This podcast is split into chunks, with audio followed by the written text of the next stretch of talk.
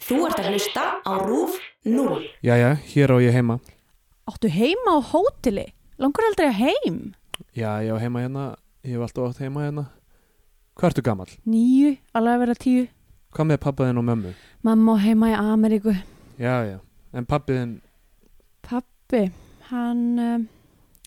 pappi minn, hann þurfti að... Þurfti að... já, pappið minn þurfti að fara svolítið líka. Tegnaður allt þetta sjálfur? Já, ég gerði það. Veistu, maður ánefnilega að teikna allt sem maður sér. Þá mann maður það betur.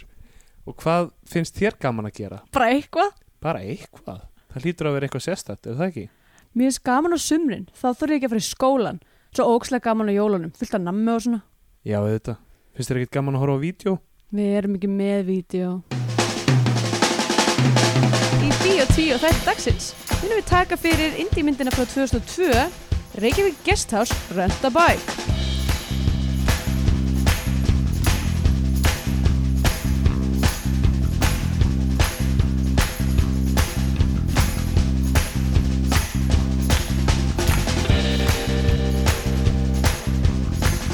Já, verið heil og sæl og velkomin í Bíó 2 hlaðverfið í íslenska kvikmyndir. Ég heiti Andrea Björk og með mér hér er Steindur Guðun Jónsson. Góðan daginn. Góðan og blessaðan daginn. Reykjavík, nei, Reykjavík, Reykjavík Guesthouse Rent a Bike. Já, Ætlum við að fara að beinta í þetta bara? N við getum ekki alveg farið beint í þetta, er það? Nei. Nei, Nei. Nei. erum við ekki með neitt sem á okkur dagað hefur drifið? Já, jú, jú, ég svo sem. Ég veit ekki, ég er einna uh, einmitt núna þa- í þessum tölu orðum. Sko, ég vinn heima hjá mér. Já. En núna er ég ekki heima hjá mér út af því ég er fyrsta lagi að taka hvernig það átt. Já. En í öðru lagi út af því að það er manneskja að þrýfa heimilið mitt. Uh, og það eru skipta skoðanir um þetta. Uh, að láta þrýfa heimilið sitt. Hefur þú látið gert það? Gert það? Eða þú veist, verið með svona manneskja sem kemur einu sinni í mánuði? Nei, Mamma mín sko skammaði mig, henni fannst þetta alveg fáránlegt já, fárlega degur að mér að vera eitthvað með eitthvað manneski sem að þrýfur heimil mitt og hérna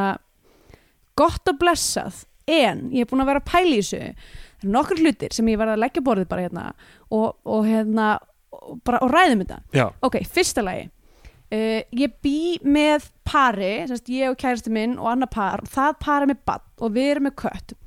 um, það að skipta niður hús eh, ef við myndum vera að þrýfa sjálf að þá, þú veist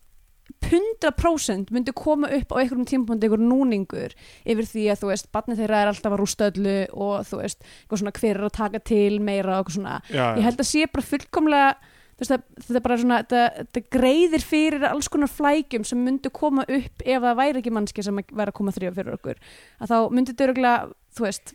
valda einhverjum gráum hárum og ég held að þetta sé sko ég myndi segja allavega, hafandi hort til dæmis á, á bara, þú veist ímis sambönd og verið í ímsum samböndum eh, er að þetta er kannski eitt, eitt sá hlutur sem að er hvað bestur fyrir langtíma sambönd er að þurfi ekki að vera að kýta um það hver er að þrýfa að þetta er, já, þetta er e- fellur óslega ofta konuna það er bara, þú veist, það er bara þannig því miður og svo er alltaf eitthvað svona þú veist, rifrildi um það hver er að þrýfa meira og hvað ákoma upp kerfi hver setur oftar í vel og eitthvað svona já. þú veist, Það að það er ekkert mín reynsla að falli meira á konuna. En Það er bara Nei, því en að ég það er, er- ég er svo æðislega kallt maður. já, um mitt nákvæmlega Uh, uh, Kristina, er þú komin? tjók, það munaði mjög miklu þegar við fengum uppþóttavél samt. já, Það uppþóttavél skipti mjög miklu máli í sambandi og ef, ef samband, ef einhver hlustandi er að hlusta og er að hugsa að sambandi mitt er í mólum, já gæti að verið að því að ég vantar uppþóttavél, af því að það er líklega einhver hlustandi er að hugsa, þú veist, við svoum ekki lengur saman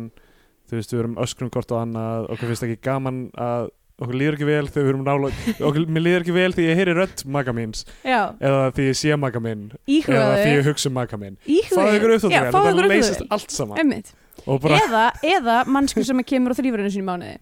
uh, já, mögulega um, en svo er annar, punktur 2 já, punktu 2 er að þetta dæmi og þetta er ennþá þú veist, það er bara þannig heimurinn er bara þannig ennþá, því miður er að ef við ætlum að, ef við ætlum að telja saman unna tíma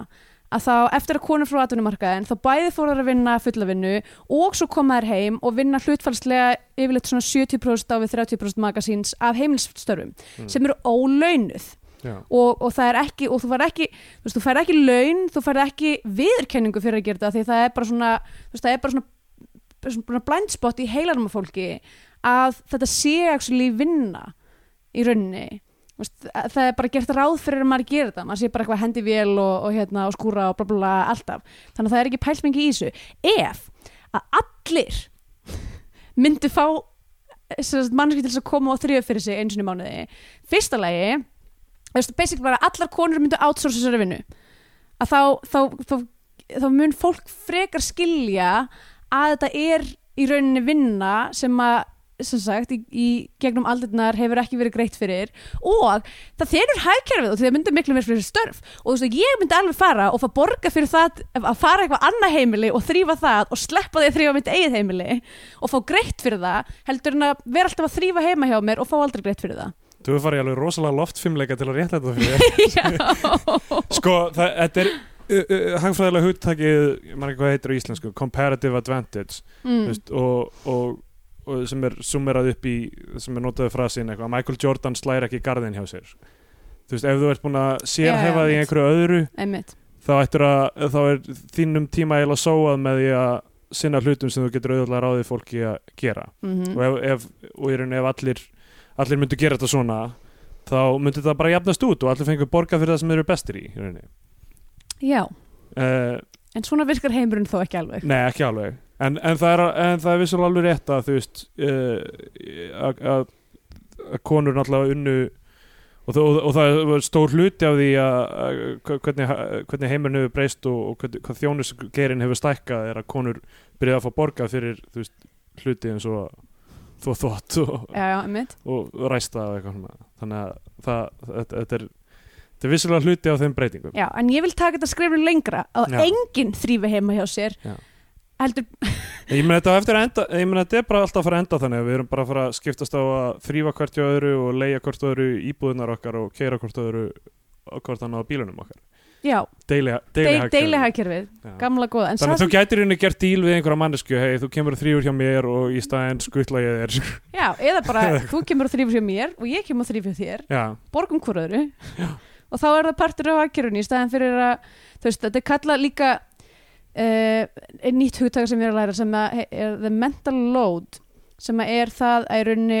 yfirleitt þá eru konur útivinnandi að sinna x prósentum af hérna uh, af heima þess, verkefnunum og líka ofan á það eru þær að verkefna stýra heimilum í rauninni og það er eitthvað svona hlutur sem maður fær aldrei frí frá það er bara svona, svo, þú veist, alltaf eitthvað svona að vera að byggja maka sinum eitthvað svona, getur þú sett í vel, getur þú gert þetta getur þú gert þetta, að ég, mín reynsla er svo að allir kærasta sem ég hef átt hafa aldrei tekið initiative til þess að gera nokkuð skapan hlut fyrir en ég segja þeim að gera það vá í alvörinni Þetta og þú veist, bara allar fjölskyldur sem ég hef lifað með eru svona líka sko. að Já. það er alltaf bara eitthvað ég þarf alltaf að segja getur, þú veist, og, og þa þannig, að, þú veist, þannig að ég er að eyða úslega mikill orku í að verkefnastýra sem að er líka starf út af fyrir sig þannig að við erum að tala um þrjú störf er, er þetta ekki samt eitthvað sem yfirleitt er kannski þú veist, fjölskyldur með börn og eitthvað svona Jú, Meira og þú veist, kannski og það verður miklu erfiðara þegar maður er komið Já. börn líka, sko. Um, þannig að já, ég er bara, þú veist, ég ætla bara að líta þetta þannig að, að þetta sé bara, þetta sé góður hlutur sem ég er að gera. Og mamma, þú mátt bara, þú mátt eiga þig. Er, s- ok, sem sagt, eftir að við komumst að því að mamma einn hlustar reglulega á þætt- þættina Já, er þetta bara að fara að vera svona einhver skilabóð ég til að senda skilabóð til mömmu mömmu og pappa. já, það var svona þú- þú þetta nýtar tækifæri, hún þarf að hlusta á þig já, af einmitt, því hún ætlar að hlusta á þáttum, þú þarf hún að hlusta á þig fara í gegnum þetta allt saman já. Og svo fannst henni sko ekkit, ekkit að ég ætti samt líka svona vélmenni sem að þrifi. já, hún að rumbu það Já, já, það, það fannst henni í lagi. En ef það er manneskja, þá er það ekki í lagi. já, já. það er, það er uh, uh, góður punktur um, já, ég held þetta sér sniðut og ég held sérstaklega að fólk sem er uh, þú veist, þokkar að launuðum störfum geti alveg eins hent hvað kostar þetta, 50 eurur eða eitthvað hvað skiptið eða eitthvað Uh, ég man það Kannski ekki meira. Ah. alveg. Það fer eftir heldur tímanum bara. Já, en ég menna þú veist peningur sem fær annars í, ég veit ekki fara ekki einu sinni það fínt út að borða það svona, þokkala út að borða Já. það einu sinni í mánuði eða eitthvað Mér finnst þetta peningum vel eitt já, og ég mælu með þessu. já nákvæmlega, En þetta, þetta- þetta er eins og, þú veist, þetta er eins og að, fa- ef, að því þið eru fjögur á heimilinu ef þið færuð öll á búlluna og fengju, fenguð ykkur bara hérna Já, tilbúið einmitt, aldarinn nákvæmlega. Einmitt. og ef við tökum, ef við tökum högna og rósmærin í reikningi líka Já. ja. sex, sex hambúrgarar Heldur að kötturinn þeim geti borða hambúrgara, Já, heldur að hann geti gúfað í þessi hinum þetta er hútsjás Já, köttur, þetta- ég held að hann geta það Þetta alveg sko myndi allir segja þetta að vera hjútsast lasagna köttur hútsjás hambúrgara köttur um, ég held að hann myndi borða Hvað finnst kjötið. kettinu þínum um lasagna? Og Hann- mánudaga Eh, hann virðist ekki gera sér grein fyrir hvað dagar eru Já, en það er líka því að það er ekkit sérstaklega mikil rútína hjá okkur ég veit til dæmis að Rakelsi vinkona mín kötturinn hennar fær alltaf fisk á mánudöfum og hérna og veit þar lendi alltaf hva, hvernig mánudagar eru Mm. og svo var einhvern tímann sem sagði, já það var, hvort það var annar í kvítasunnu eða eitthvað slags, þú veist það var frídagur Já. og það var enginn að spá í því að það væri mánudagur þannig að kísa fekk engan fisk og hún var sko, já. hún var, hún var ill í skapinu hún var bara "Ah, allir saman mig lappandum eitthvað mjá, mjá hvað hva er fiskurinn minn þannig að hún var bara hvað krakkar, það er mánudagur, ekki gleyma mér þannig að það er, kettir geta kunnað, en ekki minn köttur af því hann er frekur heimskur já En ekki svona klár sem veit hvernig fiskur er Nei, En, já, en það fær hann aldrei fisk það, Ég fæ ekki fisk hérna í þessari borg þess- Nei, ég Þetta segi er að ekki, ekki fiskborg. ég fara eins og þú veist, við erum alltaf Galli, gallin við Berlín er að það er ekki það er ekki mikið mikið af góðan fisk. fisk hérna nei. en svo þú veist, við fáum alltaf fisk bara harðfisk þegar við fyrir til Íslands eða þegar ykkur kemur frá Íslandi og þú veist, alltaf þegar ég tek hann fram þá er kísið bara eitthvað halló, halló, halló, halló, halló, halló, með fyrir fisk og ég er bara eitthvað ekki sjensvinnurinn þessi harðfiskur fyrir allur ofan í mig bara, og líka rósmarinn, þú veist batnið á heimilinu bara eitthvað við tímum ekki að gefa henni harðfisk heldur sko. Se- við fullorðnum fólki setjum öllum harðfiskin wow. já, þetta er commodity sko. Já, ég, ég, mér finnst að harfiskur fín að- já, Hann er ekki svona eitthvað sem ég verð spenntu fyrir samt, þannig ekki séð. Nei, kannski er þetta hann aðal er nostalgía hollur. ég var aldrei að borða svona mikið harfisk þegar ég bjó í Íslandi en einhvern veginn þegar maður fær hann inn í Berlín þá einhvern veginn það var það special yes Ég er náttúrulega borðað bara duft er já, náttúrulega emmi, þannig. það er rétt þú Ég borðar er enda verið tv tvær vikur á þess að borða duft af því að ég er búin að vera með gesti og gestirni vilja fara að, þú veist, að borða einhvern alvöru mat og já, eitthvað það svona. vil ég ekki duftið Ég varstu er alltaf bara reyndir fáið, ykkur- fáið ykkur duftið Þið- Þið eru, ok, þið eru í heimsóng hjá mér Þið þurfa ekki að fara að fara hérna út á veitingastæði borgarinnar við erum Ég bara, bara hérna inn í drekk í þessari duftið. íbúð Já, allan drekka tíman duft. að drekka duft Horfa á græjurnar okkar, símana og tölvunar Já. og drekka duft Af því Blíp, að Svona blúp, lifir maður á blop. 21. öldinni það er alveg rétt Ég er alltaf að býða eftir að blí, blú, blob fá einhverja svona merkingu, raunverulega Þú veist að þegar maður segir þetta sem svona einhverja Eitthvað. grín vélmina eða geimveru rödd já En ég meina hva, hvernig, hvernig þá alveg merkingu Ég veit ekki að, að þessi frasi þýði eitthvað að, þú veist, eða hvernig maður, maður svona, ég er vélminni, blíp, blúb eitthvað, já Hva, hvað þýðir þetta? og Hvað? Eh, þetta, er bara, þetta er bara til þess að gefa til kynna að það er einhver, einhver blíps og einhver blúps Já Þannig Hva- mætti kannski ekki að segja fyrst ég er vélmenni af því Nei, að auðvitað nei, getur þú- vélmenni þú- þá Þú getur bara sagt Já. blíp blúp og þá held ég að fólk viti að þú ert annarkvort geimvera eða Já, velmenni annarkort Þú veit, annarkort lí, eitthvað svona líffórum sem við þekkjum ekki eða þú ert vélsmíðuð af Já, mannfólki Mér finnst sem að þetta- einhverjum ástæðum talar með sama hætti Tungumáli maður, þetta Já. er flókið flókið flóki batteri sko yes. Þannig svo ég að ræval Já, En allavega, Reykjavík Guesthouse Rentabæk mm Þetta er kvikmynd sem ég hafði ekki heyrt um fyrir við fórum út í þetta já, Hún kom út 2001 já og var tekin upp á, á vídeo er, það Komur nú 2001 ekki? er það vitlega sem vera? Eh, Eða 2002 2002, eh, ég, mér fannst þess að ég hafa lesið 2001 eitthvað störa, 2002 eitthvað Eh, störa 2002, það er rétt Já. og hún er tekin upp á vídeo er það ekki? Tekin upp á vídeo, eða eitthvað svona, þú veist e- eitthvað stafræna, stafræna vél eitthvað mini-DV eða eitthvað þannig Já, ok, er það, er, er það ekki málið? Jú, Ég allavega held það. gæðin á henni voru já, ekki mikil uh, já. Um, og hún, henni er leikstýrt af Unni Hösp Stefansdóttur og Byrni Tórs sem eru hjón, Já, þau eru hjón, já, einmitt, já leikarar Ég veit, og þau skrifuðu handritið á samt Berki Sigþórsinni sem er kvikmyndatökumæðurinn í myndinni já, ok þannig að þetta virðist vera svona, dálítið svona gert af hóp einhvern veginn eða, þú Já, veist, einmitt og um, já, já, já ég hefði aldrei hægt um þessa mynd og kannski skiljanlega Já, ég hérna held að þetta væri einhver hluta vegna, held að þetta væri einhver svona Spooky Movie spooky movie uh, Það er einhver önnur mynd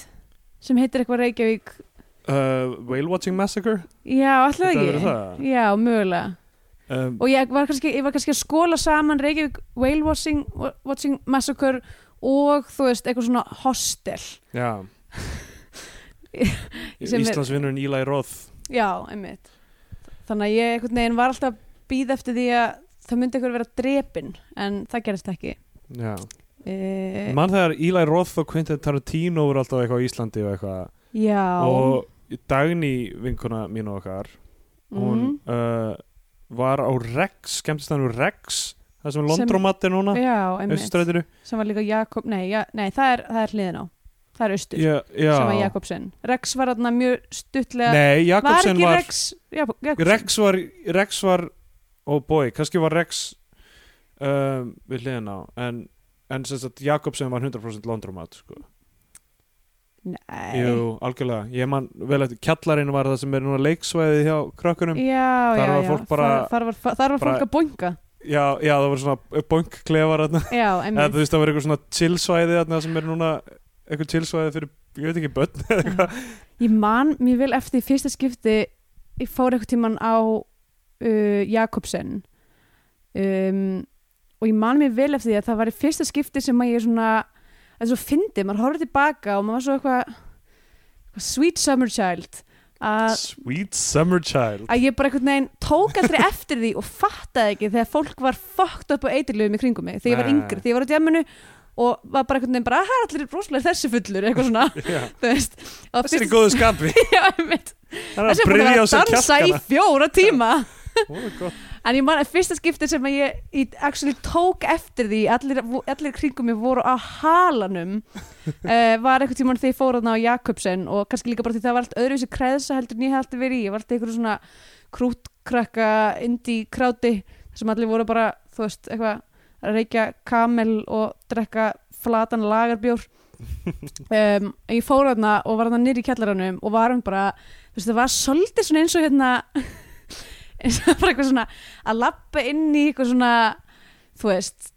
senur Caligula eitthvað, það voru svona allir eitthvað svona í sleik eða eitthvað svona bara að hömpa hvernig annan og fólk var bara svona eitthvað neginn eitthvað að liðast í sundurna ég veit ekki, það var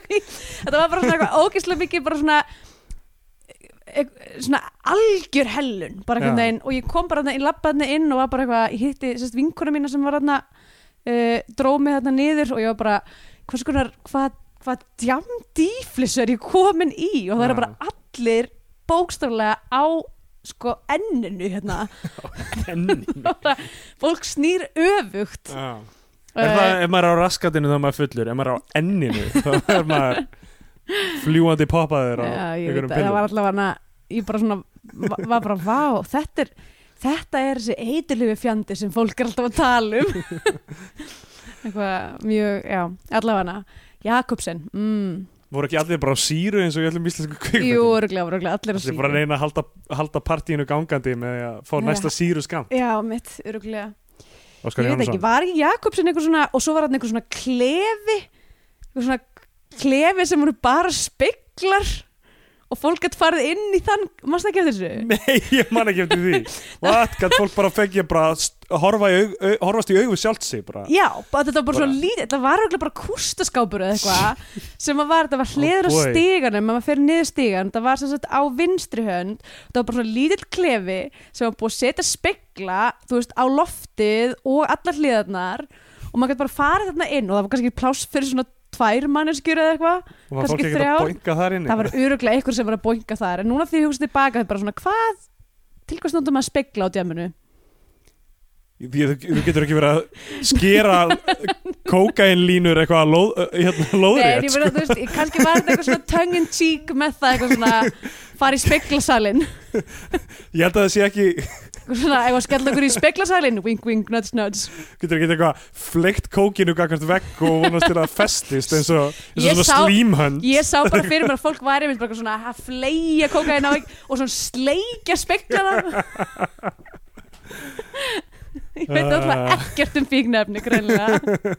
ég held að væri svona myndi loða við nei. Já, já. Kókain er daldið eins og skordýr svona, þau, þú veist, þingdarafli virkar ekki með saman já, mér nokkulega fljót, Þú veist- flýtur á vatni Já. og, Já. En allavega Dagný var á Rex já, og Quentin Tarantino var þar og hún var á einhverju bara flöskuborði með Quentin Tarantino og RZA úr já, uh, Wu-Tang Wu-Tang Clan Clan. og uh, það fer ekkit eitthvað, sagan er ekkit merkilegri en það en bara hún var á borði með þeim og Rissa var að geta almennlegur og, og þú voru að ég held splæsa að hann kampa sé inn og næst eitthvað gæði sko já, já, soundtrackið hans í Kill Bill var mjög nett sko, já, fannst mér algjörlega og hann, ég meina náttúrulega sem producent fyrir árum útang algjör hérna, algjör geni algjört séni, já, þátt fyrir að hann hafi ekki verið the genius í bandinu því að það var Jissa rétt en, uh, en já, mjög uh, klár náðingi auðvitað mm. Mjög skemmtilegur í kvikmyndinni um, Coffee and Cigarettes, Jim Jarmusch myndinni. og fannst þér hún skemmtileg Ég, mér fannst þú skemmtilega á sínum tíma um, ég held ef ég væri að horfa hún í fyrstinn í dag þá væri ég bara eitthvað, ok, ég, I get it ok, þetta er allt voða sniðut fólk og eitthvað. já, En það er alveg, það er alveg þetta er eiginlega bara svona marathon í, í þú veist, hérna 100 Reykjavík sniðu fólki Já, þú veist að við erum að með atrið þar sem Jack og Meg White eru að tala saman af því að Jack White er það er engin sögurþráður, þetta er bara svona vinnjættur Jack White er að tala um að hann, að hann er með svona Tesla coil svona eitthvað rafmagsfyrirbæri svona Nikola Tesla rafmagsfyrirbæri mm -hmm. svo eru Iggy Pop og Tom Waits eru að spjalla saman á kaffihúsi um Mhm. eitthvað ekki Bill Murray okkur um Jú, tímandi Bill Murray uh, er að vinna á kaffihúsi þar sem Rissa og Jissa eru að drekka te af því að drekka ekki kaffi um, Alfred Molina og Steve Coogan það er endur alveg frekar fynd það er, þetta er eiginlega svona, sko kannski fílaði þetta mikið af því að þetta voru eins og sketsar í rauninni, mikið af þessu, já sumt af þessu var bara svona fyndið, mm. það var en þú veist, en, það var flokkast- game en fær þetta flokka sem það, bíómyndir nei, þetta er í rauninni ekki bíómynd þú veist, þetta Nei. er og, það, og líka, þú veist, ég, ég, ég horfði á þetta því ég var kannski 18-19 ára mm -hmm. um,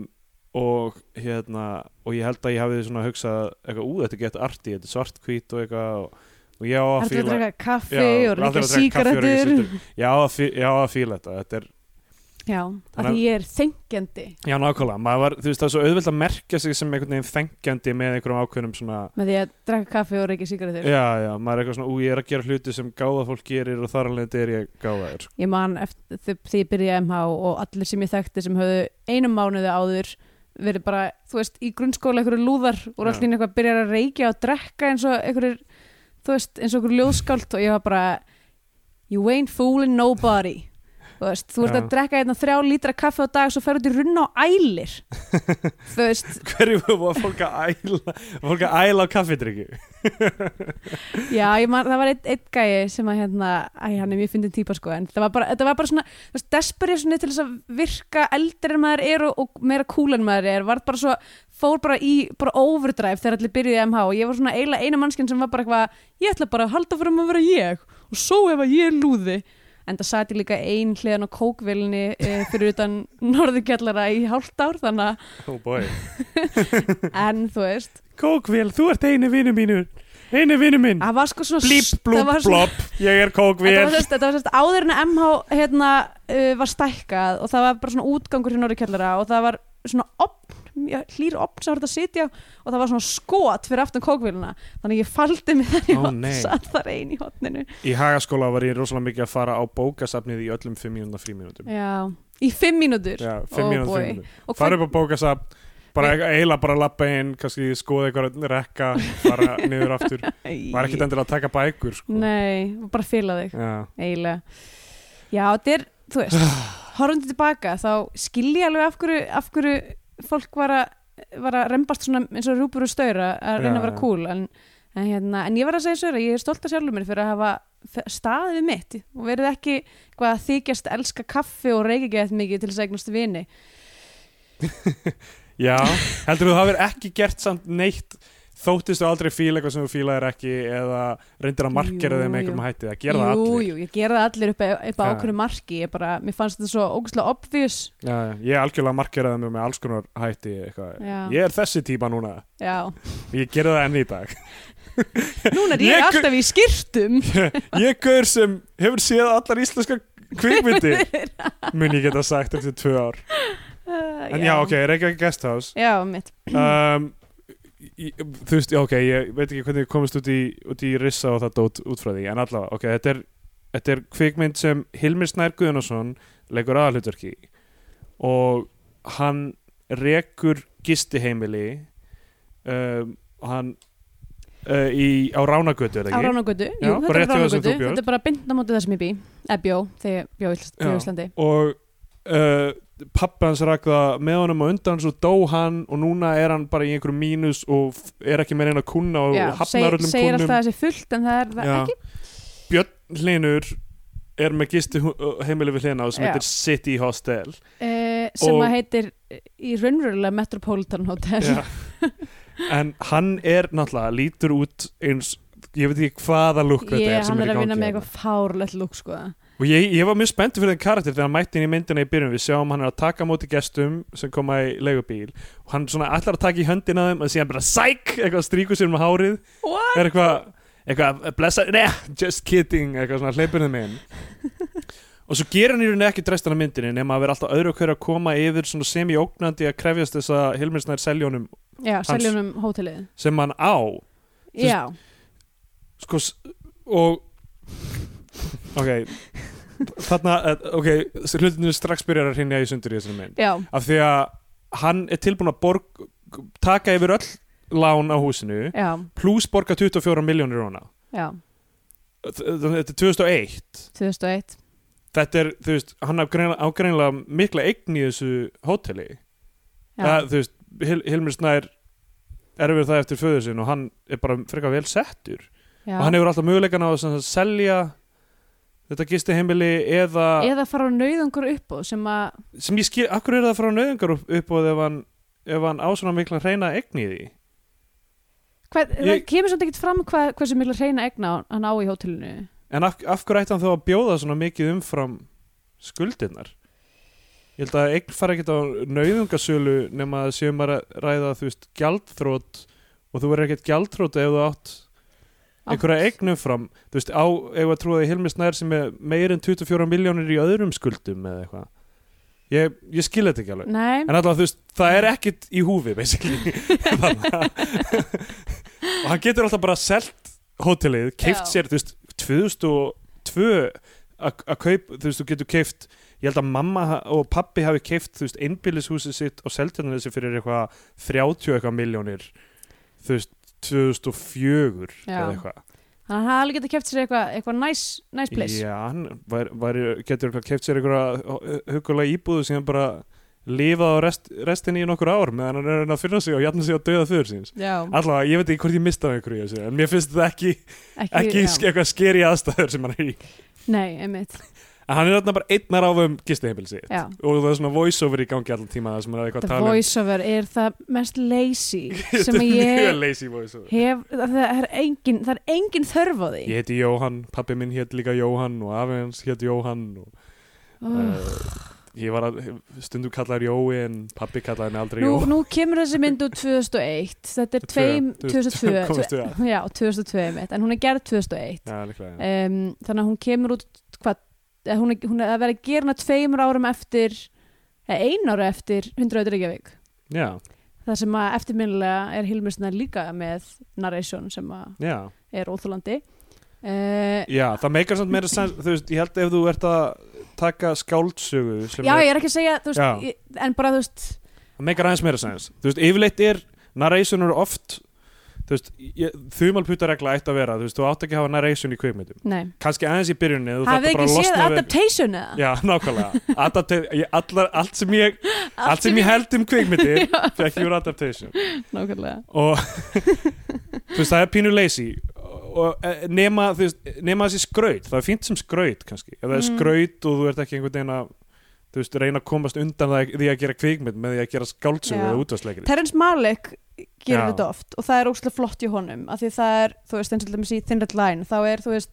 þá er það miklu meira það er mútbringing frekar heldur en- það er ekki verið að segja manni Nei, nei. neinar upplýsingar þannig séð sem maður eitthvað þarf nöðsynlega að vita heldur er það meira svona þú veist, um, musings og bara svona, svolítið meira eins og Já. ljóðlist sko. það eru nokkru, nokkru svona kreatífar ákvæmur í þessar mynd sem er mjög skrýtnar það er einhver svona 15 mínútur inn í myndina þá er voiceover í gangi og hann er eitthvað að tala um eitthvað þegar það er mjög skrýtið að vera einn þá er klift yfir í stillmynd af fullt af fólki fullt öllum persónum myndarinnar standandi fyrir utan hóstel hóstelið, já og, s- já, eða gisti heimili gisti heimilið eins og hann leiðir eftir Já, hann vil einmitt. ekki þessi kalla hótel eða gisti heimili og þau standa þarna fyrir utan og svo er bara klift frá því og flestar af þessum personum hefur ekki séð á þessum tímafundi Nei, þannig að ég var bara eitthvað, er þetta fjölskyldan hans úr fortíðinni eða hver? Kjartan Guðjónsson er þarna Já, og mitt, svo þú veist, kemur hann og got- Brynhildur örugglega líka og Já. þau koma inn í myndina síðan 20 mínútur setna eða já eitthvað mitt, þetta er sérst ágreinlega verið eitthvað svona kaplaskipti að því að sé, sjáum við svo aftur sjáum við sömu aftur- ljósmynd bara með, með bara honum og litlastráknum og svo aftur bara með honum einum eins Já. og þetta er eitthvað svona, núna er þessi kapli í myndinni þar sem að þetta fólk kemur Þetta er mjög skrýt- skrýtið Já. device og bara rugglingslegt sko, var ekki hjálplegt fyrir mér um, Svo Um, þurfum við aðeins að reyða tónlistina Já, tónlistin er, da, sem Daniel Bjarnason gerir Hver er Daniel Bjarnason? hann er frekar svona big time klassísk skáld tónskáld núna hjá, hjá Já. hérna Bedroom Community Já, já, einmitt, mér með fannst ég kannast við Valgeri nafnið. Sigurssoni og Nico Mjúli og Já, þessum gaurum sko. Sko, fyrsta atriðið í myndinni þar sem hann er eitthvað, maður svona lítur út eins og, hann sé, eins og Hilmisnær sé að fara að fyrirfara sér, já, hann er komin er á höfn og er eitthvað, þú veist, fara úr skónum og eitthvað, já. þá er bara eitthvað svona mjög næs, þú veist, ég var, ég var ég var mjög bjart sín með þetta eitthvað svona, svona arfa pertist eitthvað hérna um, svona strengja útsetning eitthvað og svo bara, ég var bara, ú, heyrðu, þetta er nú þetta getur nú verið góð, svo bara, nei strax klift yfir í eitthvað öbulegt fucking eitthvað tónlistin er yfirþyrmandi olve bara allan tíman, sko og það er alltaf svona, eitthvað, svona film noir kontrabassa svona du, dum bum dum dum Dúm, dúm. það er dula full dót í gang veistu, eitthvað svona já, með mitt og og, og köplum bara er hún bara núna á þér að líða svona, núna er sorgli tónlist Það er bara svona bara mjög heavy handed allt við þess að mynd ótrúlega mjög heavy handed um, ok, hann þú veist, ok, við f- föttum Ég, það ég upplýði rosa mikið þegar þetta byrjaði og það var rosa mikið eitthvað svona skotum af Hilmisnæði bara eitthvað svona lappandi um þú veist þetta hús og eitthvað það var Já. fucking kontrabassi, eitthvað gungubassi allan tíman, ég var bara eitthvað, eitthvað er búin að vera að horfa aðeins svo mikið á fucking evróska kvikmyndagerð já, eitthvað svona þú veist, ég, svona honestly bara eitthvað svona, þú veist, evróska kvikmyndagerð sem er gert grín af og það er góð ástæða til, þetta, er, þú veist, þessi evr- evróska kvikmynd, þið viti hvað ég er að tala um, þetta Já, sem að já, þú já. veist, hérna fucking þegar laufin sofa, eh, liggja spaðnir andvaka, fucking shit þú veist, eh, bara eh, ó, bara þetta er bara tartan-vídeó já, bullshit sko uh, og já og það er bara ekkert gaman að horfa á þetta Já, og sko a- ok, Hilmi Snær er eitthvað svona f- greinlega, þú veist, að félagsfælin hann er eitthvað að díla við döða föðursins mm og svo líka annað ok, það er náttúrulega hræðilegt, hann skuldar svo mikið út í Pétursbúð, hann alltaf með, já, hann, er í Pé- hann fer í Pétursbúð og hann er komið með eitthvað rosa reikning þar og Pétur Einarsson leikarinn sem bæði, mér finnst mjög fyrir að Pétur Einarsson leiki eiganda Pétursbúðar já er eitthvað eitthvað, þú verður nú að fara að gera upp reikningið þinn og hann bara eitthvað, "Ugh, eitthvað þú skall nú ekki vera að spurja Já. mig eitthvað, svo fyrir Þú eitthvað, skiptir já, þessu. herðu já, að því að hann fyrir líka að spurja hann eitthvað já, svona, já, já, já, hann eitthvað, verður reyður yfir að, þú veist, að þeir ætla að kaupa honum húsið, já, já, já þú, nágrannarnir. þetta varðar þig nú bara ekki eitthvað svona, Já. já, ok hversu mikið, hversu stóra reikningar hann að rakka upp á þetta segir Pétursbúð? nokkarlega er það bingokúlur eða þú veist, hvað er hann Pétursbúð er að alltaf ekkert geta eitthvað ódyrsta búð í heimi þetta veit ég að því ég bjóð Nei. þarna um, en samt sem aður þá, það er alltaf hrinja, hvernig á hann með, með einungis 24 miljónum millir handana ég segi það en þú veist, ok, augljóslega, augljóslega málið hann, þú veist, hann er blankur af því að hann er ekki meina tekjur, þú veist, þetta er, bara, Já. þetta er allt fast í steipu já þannig að, þú veist, það, þess vegna er hann að rakka upp þessum reikning, sko, en þetta er allt mjög yfirstíganlegt sem hann er Mm. að díla við Já, nema hann alltaf bara að díla við svolítið mikið um kvíða og, Já, já. og fyrir það sem að hafa Þess- aldrei upplifað kvíða um, þá sem sagt ámaður til að gera ekki neitt. já, já, svona Það liggur bara upp í rúmi og horfir á uh,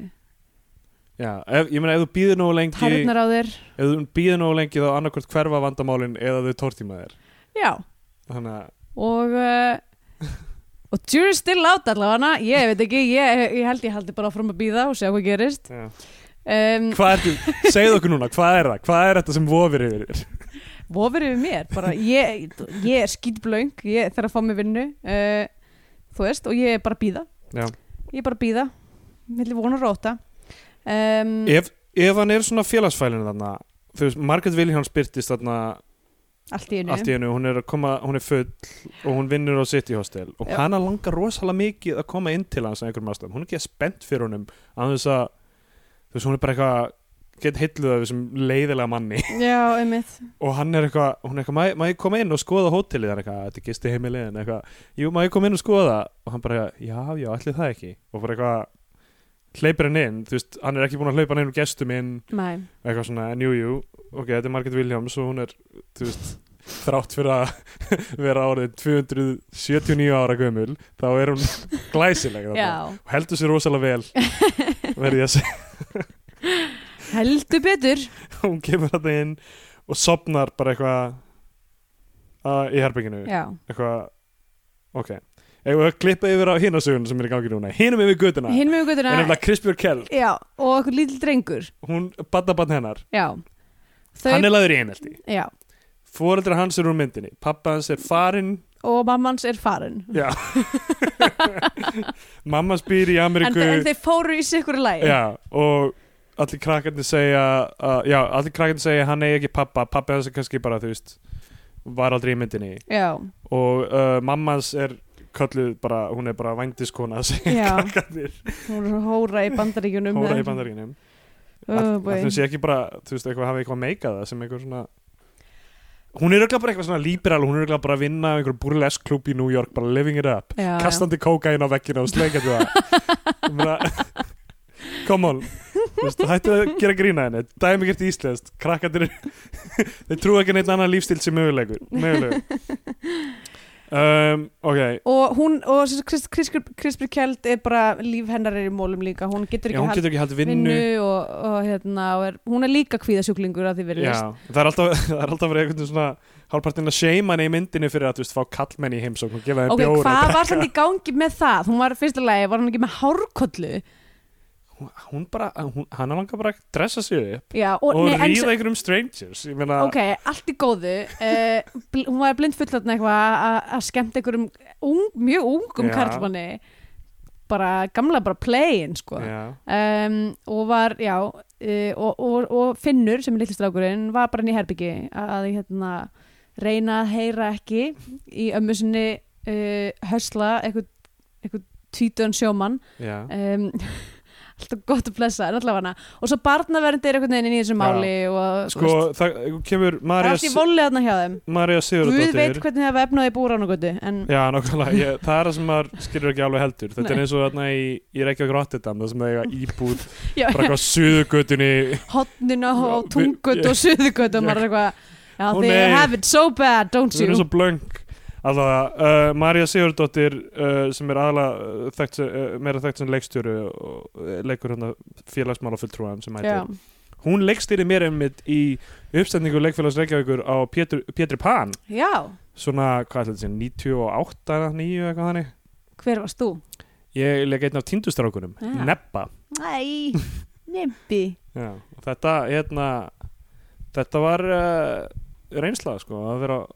vera, vera á sviði, treading the boards um,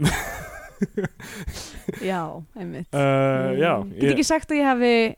gert það sjálf nei ekki nema fyrir utan bara Þarna Friðrik Friðriks, Friðriks, Friðrik Friðriksson leik eh, Pétur Pan uh, Edda Björg Eyjólfsdóttir Þetta er hún það ekki, sem leik uh, Hvað heitir Stelman? Pétur Pan Wanda Vanda, já Og uh, svo er Captain það var Gísli Rúnar Cook Gíslrúnar, ok Já um, já, ég veit það ekki Já, ég held að Tinker Bell Bell var bara eitthvað svona ljóskastari Æ, er það? Skell, þú veist það er ekkert hægt að setja skellibjölu á svið sko. Hún er, Nei, þú veist, hún er alltaf lítil og var enginn að tala fyrir hana því að hún alltaf tala líka ég held að það hefði verið bara svona flautuleikur eða eitthvað svona eða eitthvað, svona, ok, eða eitthvað glokkenspíl eða eitthvað svona já, og, og svo eitthvað þú veist klöppuð áhörundur og hún lifnaði við og það allt saman já, og já, þetta var uh, skemmtilegt besti tími í æfum minni og allt, allt nýra við Uh, allt eh, niður eftir það mitt síðan Herru, já, það, myndin heitir Reykjavík Gesthás og Rendabæk hann var, var sérst einhver hjólalega þarna líka, en hann parkeraði hjólanum eftir að pappin dó já, af hverju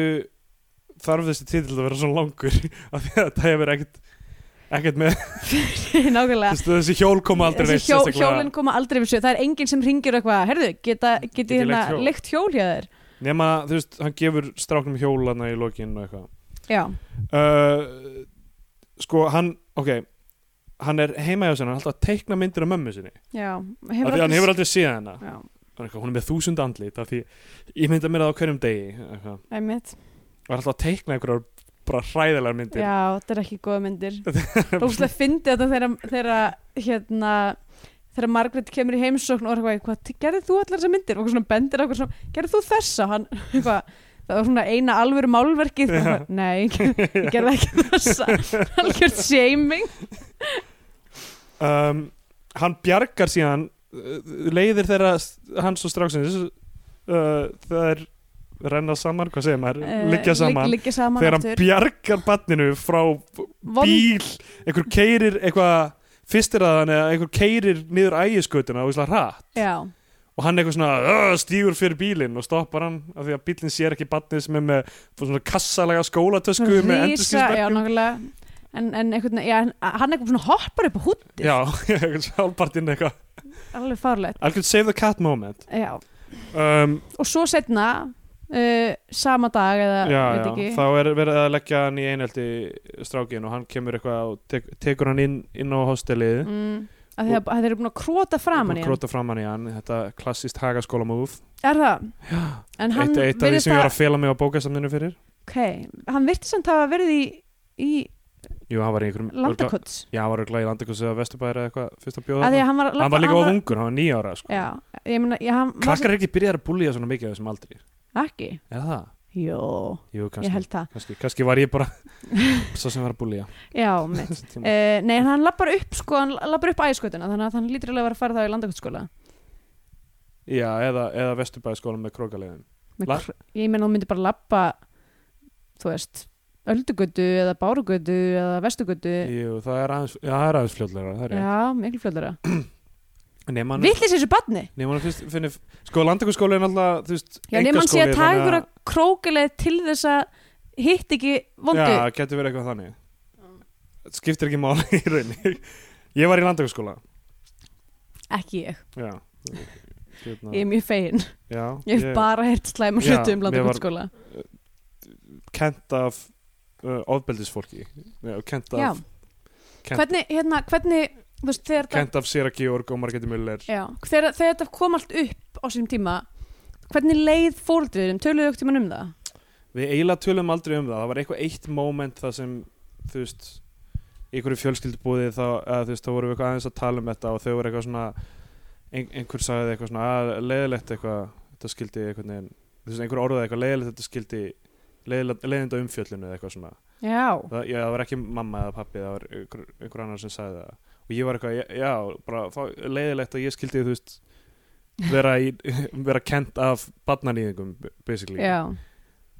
ah, og Og það var það ekki- leiðilegt að það skildi koma í ljós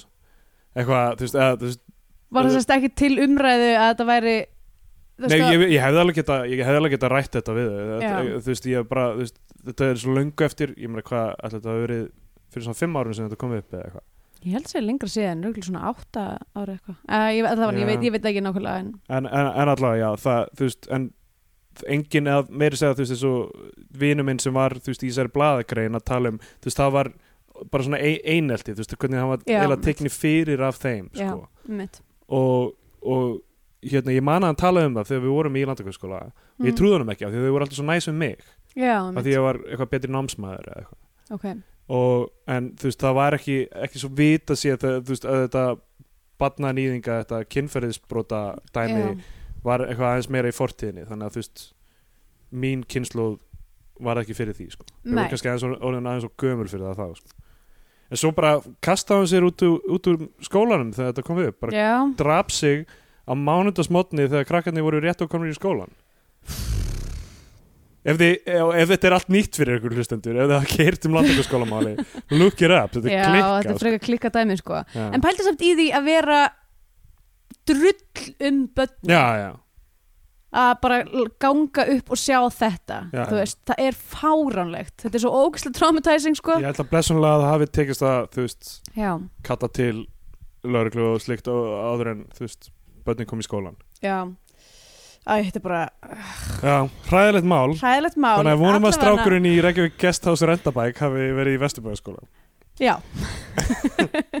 ok, af, af Hagaskóla, Landakots og Vesturbæðskóla held ég Vesturbæðskóla sé skástur já, hagaskóli var nú algjörn mest líka Já, en, mitt. en af Ég öðrum held ég ástæðum hef sko aldrei hitt mannski sem var í Hagaskóla og var ekki löði í einhaldi Já, nákvæmlega. Það voru allir að leggja hvern annan í einhaldi. Þetta var bara eins og, þú veist, hvernig við erum alltaf að Svona. reynsa íbúðunar hvert í öðru og Já, einmitt, þetta er Já, deilihagkerfi þetta er deili hagkerfi. um, Hilmisnær tala við strákin, uh, þeir eru eitthvað að bonda, þú veist, yfir hvað þeir eru báðir einmann og ómögulegt og eitthvað. Og Já. allt í hennu bara þetta, eftir þetta þá fer bara Hilmisnær að, þú veist, vinna. Hann byrja bara að taka múti gestum aftur, eða einu pari Einum, einum pa- e- ein, sem eru tveim- Kjartan Guðjóns og, og Brynildur Guðjóns. Já, hvaða hérna hvaða hvað var, hver Já. var þeirra saga? Hver á þeirra sæð? Af hverju eru þau þrjárnætur í Reykjavík? Hvar eru þau að koma? Hvert eru þau að fara? Það er algjörlega óljóst Þa, þetta sérst það á að vera hérna einhver hliðasaga Og það er mega bara vandræðið þegar þau koma og bara hvað hva kostar og bara Hilmi Snær valla getur tala við þau og svo er svo mikið sjokk, þú veist, að náttúrulega á á, á, á, á dýfsta á, á, á mesta da- svartnætti myndarinnar þegar, þegar allt er í voli hjá karakterinu Já. þegar hann er alveg við það að fara þú veist, nauðungar upp eða eitthvað með þetta og honum, og krakkin vill ekki gista hjá honum einan nótt eða eitthvað og þau ákveða að vera bara í tvær nætur en ekki þrjár, hann tapar 6400 krónum á því að hafa ekki þetta par einan nótt til viðbótar Já, mitt, þetta er, það er alltaf að fara í vol hjá honum allt í, í, í, rugli í bara. lok second act í þessari myndar Já, einmitt allavega þau þau eru þarna bara, ok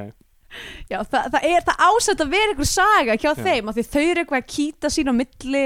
og það er eitthvað svona tensi á þeim Já. og þannig að það, þú veist, ef að ég, það var auðvitað einhver meining að þeirra saga væri einhvers konar fóil á okkur öðru eða Já. ég veit ekki hvað en það er bara ekki ljóst af því það, það er, það er bara, ég skil ekkert hvað Já, ég var veit í gangi ekki hjá hvað þeim gengur- uh, einu, einu karakter engirinu var eitthvað Brynildur Guðjóns er eitthvað að reykja inni og, já, það er eiginlega og, svo Og- náttúrulega í, ok, við komum að því á eftir í, í dramatíska Já, breakdownunum í lokin, en ok svo er ógeðslega skrítið þegar uh, Hilmir Snær er í baði að hlusta á jólalög allt í einu allt í eru, kemur strákurinn inn og það er allt jólaskreitt já, eins og, þessi- eins og, þú veist, og ég var bara eitthvað að býtu, erum við búin að hoppa áfram um hálft ára og það eru komin í jól eða hvað er að gerast? ég er ennþá að reyna að skila hvað er í gangi þarna og hann er eitthvað eitthvað, þú veist, býður stráknum sem sagt, ég laði bara búa hjá honum eða þú veist, gista hjá honum Já. og svo ákveður hann að gefa honum svona jólagjöf sem er hjól Já. og þeir fara út að hjóla og það er bara sumar Já. eða eitthvað Það er ekki jól. þannig að þú veist, Hilmisnær er bara búin að já, missa það. hann er bara hann er búin að missa það og hann er búin að skreita allt hótelið með einhverju jólaskruti og gefur um jólagjöf og það er mitt sumar. já, og það, af því að þetta fólk er ennþá þarna Kjartan og Brynildir er ennþá Já, þau eru ennþá þarna. Þau eru ekkert að spurja sig eitthvað að byrja, af hverju er allt jólaskreitt allt Þeir eru í svo einu?" eitthvað úr, úr Psycho, skilur Þetta Þetta er er bara alveg Bates fáránlegt. Motel Er Fáránlegt. það pælingin? Er þetta, á Ég- þetta að vera eitthvað svona Psycho Og dæmi? þú, og þér fannst skrítið að ég væri að byggja eftir að einhverju er myrtur. Já, það meik- það meikar algjörlega sens Þú veist, að þessi pappi hans, það hefði verið eitthvað Í, lo, í, í lokin, þessi Sérstaklega- pappi hans væri sérstaklega- ennþá, þú veist, líki hans væri ennþá Já, bara, þarna- nákvæmlega, sérstaklega þegar hann ruggandi. fer með strákin hún í kjallara Já, já, Og- ég held að hann væri pottið að fara að gera eitthvað við þetta barn Þú veist, Nákvæmlega, hann fer með hann í, ég er með jólagjöf þetta er það var að koma Hann hér var í kjallara Ókislega Byrjar- creepy hva- dæmi Og Er þetta fyrir eða eftir hann byrjar að tala um, um, um hann spyrir eitthvað Nei, svona já, "Hefur Þú ki- eitthvað já. tíma verið ki- Þau eh, eru kist kysst elpu og eitthvað og eitthvað Svo byrjar finnir hann hann að lýsa því eitthvað að tala um að hann hafi verið eitthvað með einhverju þýskri stelpu ofan í þessum kjallara og ég kisti einhverja 16 ára þýska stelpu beint á munnin, bendir eitthvað á varirna sínar, Svo creepy þunnu varirna sínar uh, Hilmi Snær hvernig hann leikur þetta það, ok, það er annarkvort furðulegar ákvarðinu hjá honum eða leikstjórnin hefur þú veist, það hefur ekki verið skýrt hvað þau vildu fá af því að Nei, hann er eins og einhver barnanýðingur á þessum, þessum tíma já ég veit það, hann er creepy Alltaf eitthvað svona byggðin um að gista hjá sér og Já, gefa honum gjafir En hann og er fara bara- með hann er í kjallara hann er bara þú veist, í rauninni- Kunnuleg stef Já, en hann er, þú veist, bara að reyna að vera góður af því að, þú veist, hann talar samt aldrei við- hann fer aldrei yfir og talar við Krisberg og Kjeld og er eitthvað svona, hey, er lægi sé Ég sé að hanga- strákurinn þinn er einmana eða eitthvað, þú veist. nákvæmlega. hann er bara að vera eitthvað creep en er, er Mhm. samt alveg alltaf bara næs hann er alltaf bara, þú Já. veist, hann gerir ekkert af sér en hann leikur það svona, svona, svona starandi augu og eitthvað svona twitch í, Já, í, mitt, í nákvæmlega. kinninni eitthvað, en á, ok, þetta er mjög skrítið ok, bjöllinur á þessum tímapunkti er, er byrjar að mæta bara alltaf inn til hann og bara intimidate Já, hann ég er bara eitthvað að hótonum Já. sem er ekki hvernig fastegnaviðskipti Bara- eiga sér stað bara þú verður að selja mér íbúinu ég skal gefa þér 24 miljónir og ná það að yfirtaka alltaf skuldið með hennar þú hefur þar til á hátíð á morgun eitthvað hvað er í gangi Hvað er að gerast? og svo er hann, ok, og svo mætir hann, hann, hann Margaret Williams kemur aftur til hans og þau fara í sleik bara upp á fyrru, af því að Margaret Williams af einhverjum ástæðum fílar þetta creep Já, þau fara í sleik og þá er allt í einu bjöllinu bara mættur aftur, þrátt fyrir að hann hafi sagt sérstaklega, ég kem aftur á hátegi á morgun Já. þá mætir hann og er þarna bara, jæja, hvað er í gangi þú er bara að kissa Þú ert bara starfsmann hér þú er bara að kissa starfsmann minn Já, mitt og svo fer hann bara og er bara, þú hefur það til á morgun segir hann aftur já, við erum búin að Það var hvaða máli established. skiptir það, Já. hvaða máli skiptir það að hann var eitthvað catching them hana. Oh, ég veit það ekki, en líka, þú Það veist, ok það ángrar mér mjög mikið að þú veist, eh, bara, þú veist Magga, ke- er, þú veist, karakterinu möggu er bara eitthvað svona þú veist, þú meikir ekki neitt sens Þú Nei, veist, ekki kona sem mætir og er eitthvað vill af því það er svo mikið af ölfuðum konum sem eru bara eitthvað byggjandi um að fara inn í húsi og um ókunum kallmönum Já, sem, að, þú veist, sem er ekki þú veist, eitthvað spennandi eða neitt í gangi hjá hún er bara alltaf eitthvað að mæta til hans og ég veit ekki, ég skil þetta ekki það er ekkert sem gefur bara ef til maður, kynna ef maður er, þú veist hún hefur engan sjálfstæðan vilja einhvern veginn í þessu viti bara hún kom, kona í þessum heimi og er að koma heim á djamminu snemmi morgun þá fer maður ekki inn í húsi á okkur random creepy það er bara ekki hluti sem maður gerir Já, já, en, þú veist, ef, ef málið er að hún átt að vera þeim, þú veist, mikill alki og miklu ruggli eða eitthvað bara hún gerir slíka hluti þá var það ekki alveg undirbyggt náðu mikið nei, af því að síðan kemur hún bara, svo kemur hún alltaf inn randomli aftur bara og þau Já. farist leik og það er ekkert útskýrt hvað er að gerast í þessari mynd? og, og af hverju, og við höfum aldrei séð hann og Bjöllin einu sinni tala saman, held ég og Nei. svo er það eitthvað gett moment að hann eitthvað grípi þau við að vera í- að kissast Mm. þetta, er- þetta er mega skrítið um, sko, ok svo eh, er sem sagt Hilmi Snær að missa viti þarna að hann, það kemur geð mikið bergmál af öllu sem hefur verið sagt við hann af því þetta er lágpunkturinn, við bara strák, strákurinn er eitthvað, ég, ég, ætla, að- ég ætla að gista heima í nótt og hann bara, ég held þú ætlaði að búa hjá mér eitthvað, nei, nei, ég nei, nei, Bara ekki stundum alltaf kannski eitthvað, ég bara bara- kannski komið heims og bara og hann eitthvað já. strákurinn fyrir og Hilmi Snær situr þarna og það bergmálar í haustnum hann um bara eitthvað Kjartan Guðjóns eitthvað, við tjekkum okkur út í fyrramálið fyrramálið, fyrramálið, við þurfum ekki þriðju nóttina, nóttina Eitthvað, þú og hefur til Björn Hlynur, hátis þú hefur til hádegis, hádegis eitthvað, ó nei, það er alltaf að fara til fjandans í honum hann fekk ekki 6400 auka krónur barnið vill ekki gista hjá honum þessa nótt Bjöllinur vill gefa honum 24 miljónir Hvað á hann Hvað- til hvað á bragðs að gera? taka? Þetta er ríkileg, ríkileg staða sem að maðurinn er í uh, Já um, Herðu, já uh, hérna, Krispur Kjeld, hennar stóra plan er að fara til Flórida Já, já, þau ætla til Flórida Abnak Flórida Abnag Flórida, hvað eins og er ég það? negir ekkert Ok, svar af hverju er, þetta virðist hafa verið á okkur tímpúndi á Íslandi var Flórida bara fyrirheitna Já. landið að því við erum að Ég man tala um eftir sko, þessu. Abnag- Abnag Flórida þessi mynd, líka stóra planið Já, Já, Já. nei, ekki, jú, byrju, stóra plan, nei, hérna um, b- Borg, bæjar Borgríki Borg, bæ, Blóðbönd, Flóðberg, Borgríki er það ekki? Borgríki þar líka er, er hérna, yngvar er bara eitthvað, ég verð bara að fara til Já, Flórida Já, hann ætlar alltaf til Flórida henn það er allir Sko- að fara til Flórida Ég held, það var eitthvað dæmi, þú veist, þegar f- fólk var að fara í ferðalög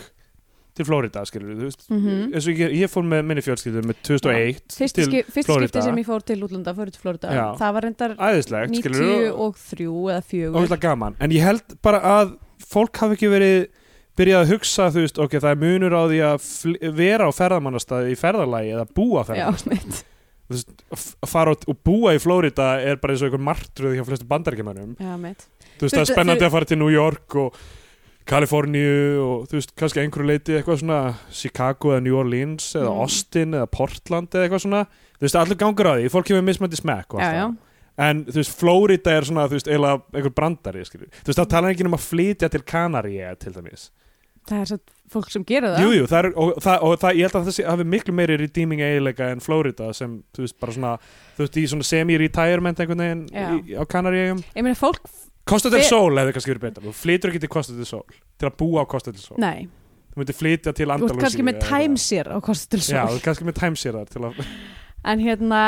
en fólk flýtur nú samt í bandaríkjunum það er rosa mikið retirement place já, Florida já, nákvæmlega, mjög mikið af gömlu fólki og fyrir langar til þess að en það er nú ekki, ég myndi nú ekki segja að það sé góð fjárfesting að fara að kaupa sér einhverja eign á Flórida sem að er uh, öllu líkinum að fara að vera ofan í hafinu já, ef hún sekkur ekki í eitthvað sinkhól áður en það Já, gerist nákvæmlega. Bara- borðuð af einhverjum krókodíl það er, það er mín eina hugun í þessu lífi er að vita það að fucking Mar-a-Lago verður komin undir hafið eftir, eftir nokkra áratíu Trump mun ekki lifa nógu lengi til að sjá það Nei, það er að vesta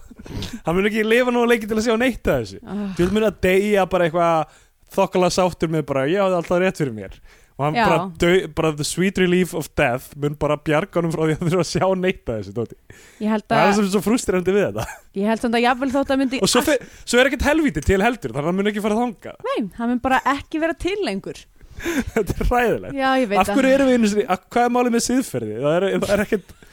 af hverju erum við ekki öll eins og hann Og út af þessu að þá Já. ættum við bara öll að sleppa því að hafa Nákvæmlega. siðferði Trump er smá saman að samfara mig um að maður þarf ekkert að vera góður við fólk Nei bara, Það borgar sig ekki, sko ja, bara valta yfir mm. Já, ég veit, sorry, fyrirgeðu að við skulum vera hérna pólitísk en bara bara hinglaðu ekki lengra Þú, hvað varð um, um, um það að þetta væri woke podcast? Já, ok, þetta er Vogue podcast og ég veit ekki með ykkur, en þessi Trump brandari mér finnst það ekki fyndin leikur Ok, allavega um, ok, hann, hann er að missa vitið hann heimist Já, hann uh, sko fer í baðkar í fötunum já og Telltale sign að maður sé að missa Já. það er þegar, ef, að þú, ef þú finnur sjálfa þig eh, hvað, gangandi að sturtu eða baðkari og þú ert ennþá í fötunum vittu að þú ert líklega á bar með taugáfalls Ég skil ekki, þú veist, af hverju eru við einu svona að, þú veist, reyna að hjálpa fólki sem er að glíma við, þú veist, andlega örðuleika, þunglindu og slíkt. Það á alltaf að fatta það strax og það labbar fullklætt og styrtuð að baðkari. Að Bara, það er, ah, ég skil, ég er að missa viti. ok, Best að ég tjekka mig. þarf að fara að láta tjekka minn Að því, að því að þetta er bara merkið um það. Hann Já. sk- sest nýr í baðkarið, skrúfar frá og byrjar bara að styrta sig með bara handheld, þú veist, svona Já. styrtu haus Æi, og tónlistin er alltaf á þessum tímpoti Daniel Er- Bjarnason er að styrlast Það er alveg Hann, við, að við, erum, við, erum, við erum hrifin með í, Já. í geðveilu Hilmis Næs en ótrúið nokk ekki tippi af því að hann er fullt klættur Já, Hilmi Snær, ok, þetta er bara orðið bara svona þetta er orðin eitthvað svona Hitchcock tónlist á þessum tímpoti þetta er bara, eins, Já. þetta er eins og í Psycho ég, mér finnst eiginlega ef að hafði einhver verið drepin í þessari mynd þá hefði það mögulega bara hjálpað myndinni tölvert, Já. myndi ég segja Að- já, það sem hann gerir náttúrulega þarna þegar hann er að styrlast mm. er að hann læsir Kjarta Guðjóns og Brynildi inni hann Já, hann fer inn í sefnerbyggið þeirra horfir á því í smástund, fer út og læs tekur líkinu og af því að hún læsir finnst svo gott að horfa á fólk sofandi þetta kemur fram í já, narrationinu það er rétt, það kemur fram í narration af því það er ekkert creepy Já, já, hann er að tala um það hann li- talar líka um að geti so sopna standandi mér finnst það ekkert, mér fannst það ekkert skrítið mér finnst það skrítið sem geta ekki sopna standandi þetta er, hann er alltaf að tala um það Já. uh, ok Og hann læsir þau inni og þau eru að missa viti um, og- og Kjartan Guðjónsson bara kýlir Brynildi af því hann er, hún er að styrlast hún er eitthvað, hvernig kannski ég út við, ég verður að komast út og hann bara, snap out of it woman og svo er hann bara, oh Bara- sorry þú veist, Hvað? Af hverju, þú veist, oh, allavega, já, hann læsir þau inni og svo fer, fer hann út hann þá, fer eða? út, hann fer niður á höfn þar Já, og, og, ætlar, að, ætlar að, að drepa sig já, og þá er einhvern veginn, þann, á þessum tímpúndi er einhvern veginn komin morgun já, myndatakan er á, á flegiferð á þessum tímapunkti það er bara allt ringsnýst það er bara farið í kringum hann við sjáum flugvil í loftinu og shaky cam, eitthvað flugvil Það er flýgur rosa yfir. mikið af shaky Þetta er Já. eh, bara heldur me meirlutin handheld sko já, og svo er Finnur að það badni, hann er komin út myndavillin snýst í kringum hann okkar hengi Já, mitt. og hann sér hann niður á höfn og kemur á eftir honum og það kemur svona creepy eitthvað badnalag eitthvað svona, Já, einmitt eitthvað börn er eitthvað að syngja Já, og hann hvað segir hann við hann þarna? hann kemur eitthvað hann er eitthvað ég, ég held að við am, amma sé ekkert að fara til Flórida Já. Eitthvað, ég held að við sem bara fara að vera hér já, talar hann bara niður á brúninni en bæðu veit, á þessum tímúti, strákur er búin að fara inn og taka leikilinn úr skránni þannig að þau komist ekki út og kemur með líkilinn niður á höfn og réttirinum, oh my god, ætli þeir séu tveir síðan að fara og drepa þau það væri geggjað það hefur verið geggjaðar endir út af því að, að því að hann Svona basically allt pupil ta- dæmi um. svona eitthvað. talar niður brúnni og er eitthvað svona réttir honum líkilinn já, eigum við að fara og drepa þau eða þú veist, já, eins og hann sé að segja það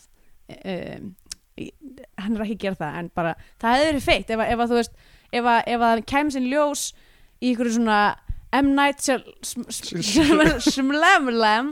eh, mesti 90s brandar efer er að, er að rugglast á nafninu en ég veit að þetta væri ekki viljandi þetta Nei, er nei, erfitt ég eh, er að reyna að segja þér þetta en allavega Tvisti er, að- er að barnið er bara hann já, að að reyna að telja um trúum hann að drepa fólk já, barnið er kannski ekki til kannski er barnið ekki til kannski er Krispjör barn, Kjeld, ég var barnið líka er einmitt hann að sér já, og Krispjör Kjeld er móðurinn ó, aaa kannski eru fleiri leigir í þessari Er, mynd er, þú veist, er alltaf þessar myndir sem maður búin að teikna upp á veggi, eru þær af Krisbjörgu Kjell? getur verið Jesus Christ. Oh, oh. Ah, ah, ok, Nei, hey. það er ekkert það sem það er meikar sens. ekki það sem meikar sens og þessi mynd er ekki hún meikar ekki sens Og svo er e, vo, sama voiceover endurtekið og í byrjun sem er aðna eitthvað, ég heiti Jóhann, fadir minn heiti Jóhann. fáður hans hétt Jóhann Eitthvað, ok. Svo Já. eru þau bara föst í herberginu þegar myndin er búin. Já. og- og bara já, myndin endar þannig að hann Sá- fyrirfyrir sér ekki Já, samband þeirra Margreta Viljánsdóttir, það er ekkert sem gerist í því. Nei. við vitum ekki hvort hann seldi eða hvað hann gerði eða, eða Nei. og þú veist hvort hann lifið það einhvern tímann af þetta áfall að fá ekki 6400 krónur fyrir innan nótt á gistingu hjá tveimur um, hann var náttúrulega ekki, þetta voru ekki peningarnir sem hann, var, hann vildi bara að fólki væra það lengur en hann vildi ekki hafa fólk í byrjun já, er það, er það máli að, að bara þú veist hann, bara, hann, hann stekkur inn í öll sambönd svo hratt þú veist eins og með stráknum, hann eskileitar það samband rosalega hratt mjög hratt það já. viltu ekki bara búa hjá mér, þetta er reyðhjól eitthvað, þú veist, þannig eskal, það eskalatast mjög það þannig að bara, bara hei, þau vilja gista hjá mér í þrjár, þrjár nætur það verður þau verður að vera hérna eilífu mm, er það málið? Og líka hann, þú veist, st- stekkur í hennar sleik með Margreti Vilhjáns bara, bara, það er ekkert lead up to it nei já, ég hún veit er bara, ekki ég ætti kannski að fara, fara að koma mér og hann bara, tókst eftir því að þarna, þegar hún er eitthvað kemur fyrst til hans er að hún, er, hún fær sér drikk já, og hún, á bjórin sem hún opnar er með skrúðtapa já það var skrítið Mér fannst þér mér finnst þess að ég hef ekki séð skrúfutapa fyrir en bara, þú veist, 2006 eða eitthvað já, ég bara, eru skrúðtapar almennt eitthvað sem er á Íslandi Mm. ég man að þegar ég flutt til bandarækina 2009 það fa- var þetta algjörst revolution í lífi mínu Já. það voru skrúðtafarnir sko allavega Uh, kannski er þetta ykkur fancy útlenskum bjór sem hún er með hver veit, yes. skiptir ekki máli ég Allavega. verða við ekki hérna, ég er ekki so inspired að tala um þessu mynd mikið lengur af því að hún var honestly ekki mikið Nei, uh, vindum okkur í Skandinavian Pain Index um, ok, Ef þetta er fyrsti þátturinn sem þau eru að hlusta á þá skil ég ekki akkur þau völdu þau Reykjavík Guest House nei en rentabæk uh, en en hérna af því að þú veist, mesta hlustunum okkar er á þú veist, þætti það sem fólk hefur séð myndirnar já, mitt nákvæmlega og þess vegna er svona ekstra erfitt stundum að þarf að horfa á einhverja obskjúr mynd, Skrýtna mynd einmitt, sem reynist að ekki maður vera veit að góð enginn ennir og að bara, hlusta já, og- enginn eftir að hlusta á þetta nákvæmlega Já. En allavega, um, uh, Skandinavian Pain Index er skali sem mælir svona hversu mikil uh, eimd er af svona skandinavísku mælikvarða í myndinni. myndinni já. og uh, það, sko, þetta er smá svona dogmafílingur yfir þessum mynd. já, Þú veist að þetta er svona handheld kamera og einmitt þú veist við sjáum lýsingin þegar hann er að, að baða sig, já. þú veist það er bara dimm það er ekki og góð, það er það oft er ekki góð lýsing í þessari mynd mikið að kertum. hún er og ekki eitthvað yfirlýst dogmamynd þannig að það hefur örugglega verið eitthvað lýsing en Já, já, hún Dog- er ekki dogma fyrir dogma heldur bara dogma því hún er um, nei, og bara líka allar low dogmareglunar, budget allar dogmareglunar brjóta dogmareglunar, eða allar dogmamyndirnar brjóta reglunar einhvern tímann. já, það, Já, ég held að það hafi verið svona, þú veist, það kom alltaf í ljós eitthvað að einhver, já, einhver hafi gert eitthvað smá en þú veist, þetta var svona bara hugmyndafræði já, einmitt Þú veist, ógæslega fyndin hugmyndafræði í rauninni er eitthvað svona, gerum það ógeðslega Já, erfitt að gera já. bíómyndir af því það var svo Gerum okkur svo- auðvelt já. fyrir gerum okkur svo erfitt fyrir þetta er fyrir tíma eða þú veist, bara svona stafrætna einmitt, þú veist, þannig að þú veist, það var ekki einu svona ódýrt á þessum tíma, það var Nei, dýrt nákvæmlega. að gera þær gera þær bara þannig að það verði aðeins ljótar og erfiðar eiginlega sko. já, ég þarf nú eiginlega að fara að horfa aftur á festin Já, ég held að Stakki- fest and holds up sko. Er Ég það held ekki? það líka, hún var allavega ég sko horfið á festen í dönsku tíma í nýjöndabökk oh boy kennar, dönsku kennarinn minn var, hún var náttúrulega hataði að kenna dönsku, hún var landafræðkennari sem var bara, vildi þannig til að hún kunni dönsku þannig að hún var svona fengin sjanghæði að kenna leiðilegasta Ég hafi fæð af öllu og hún drakk alveg svona, hún drakk svona örgulega þrjá kaffibotla á 40 mínútum og ældun beint eftir þetta ekki en hérna En hún var beiklið bara alltaf að láta okkur horfa okkur einhverjar ógislegar danskar bannaðar bíómyndir. Við horfum á Grunnur slaktunar, við horfum á Festen, við horfum á uh, hvað er eftir hérna, Móens Um, júlebúð hérna hvað er hún aftur? Ganskins faget heð Júlibúin Hæ? Nei, ég er bara, ég er bara Er þetta búa til? Hérna- búa til myndi Mér finnst það hljóma eins og raunulega myndi Nei, hvað heitir aftur hérna? Blinkandi lýttur Já, við horfum á Bliktiglutur og við horfum líka á þarna, hu- hérna hund, hvað heitir hún aftur?